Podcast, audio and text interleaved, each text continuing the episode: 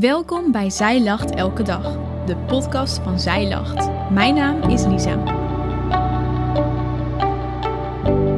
Dit is de overdenking van 15 juli door Tamara Balm. Geen woorden, maar daden. Dat spreekwoord ken je vast wel. En misschien gebruik je de uitspraak zelf ook regelmatig. Maar als we Jacobus 2 lezen, krijgen die woorden nog wel een iets diepere betekenis. In Jacobus 2, vers 14 tot en met 17 lezen we: Wat voor nut heeft het, mijn broeders, als iemand zegt dat hij geloof heeft en hij heeft geen werken? Kan dat geloof hem zalig maken? Zo is ook het geloof, als het geen werken heeft, in zichzelf dood. Jacobus is heel radicaal in wat hij schrijft. Geloof zonder werken is dood, zegt hij.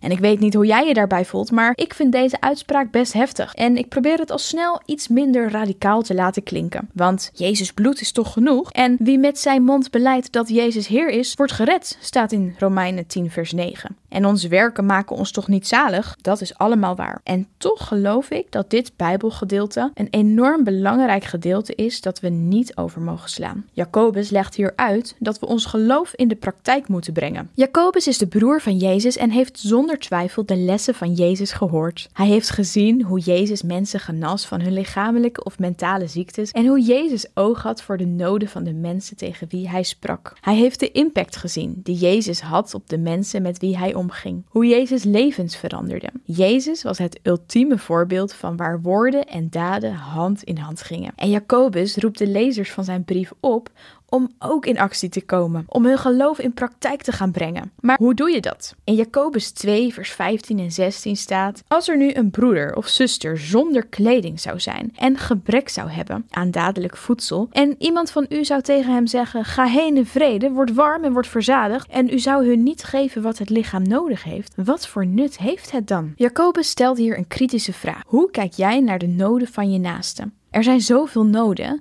in onze directe omgeving en wereldwijd. Wat doe jij voor de daklozen die om eten vraagt bij de supermarkt? Wonen er vluchtelingen in jouw omgeving die hun hele huishouden hebben achtergelaten in hun thuisland en geen spullen in hun nieuwe thuis hebben? Als christenen worden wij opgeroepen om onze naaste lief te hebben. Niet alleen met woorden, maar met daden. We mogen uitdelen van de liefde van God die wij ervaren in ons leven en ons geloof in de praktijk te brengen. In Jacobus 2, vers 21 staat: Is Abraham, onze vader, niet uit werken gerechtvaardigd toen hij Isaac, zijn zoon, op het altaar offerde. Een ander voorbeeld van iemand die zijn geloof in de praktijk bracht is Abraham. Hij was bereid om zijn zoon op te offeren toen God dat van hem vroeg. Als volgers van Jezus moeten we bereid zijn om dingen op te geven, om ons volledig te kunnen richten op het volgen van Jezus. Zijn er dingen die jou in de weg staan om achter Jezus aan te gaan? Materiële zaken, geld, carrière, vriendschappen of vul zelf maar in. Jezus vraagt van je om alles dat jou achter je te laten en om hem met heel je hart te volgen. Als laatste noemt Jacobus Ragab, die de verspieders hielp om ongezien weg te komen uit Jericho. Je kan hierover lezen in Jozua 2. In Jacobus 2, vers 25 staat: En is Ragab, de hoer, niet op dezelfde manier uit werken gerechtvaardigd toen zij de bode heeft ontvangen en langs een andere weg heeft laten weggaan? Rahab zette haar leven op het spel voor deze mannen die niet van haar eigen volk waren.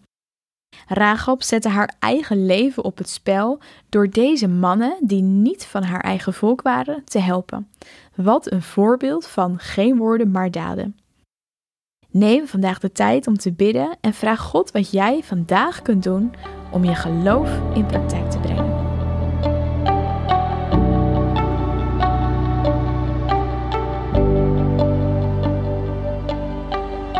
Dankjewel dat je hebt geluisterd naar de overdenking van vandaag. Wil je de overdenking nog eens nalezen? Check dan onze website. Je vindt daar ook nog meer toffe dingen die jou helpen om de Bijbel vaker te openen. Zoals boeken, bijbels, cursussen en evenementen. Morgen ben ik weer bij je terug met een nieuwe overdenking. Tot dan!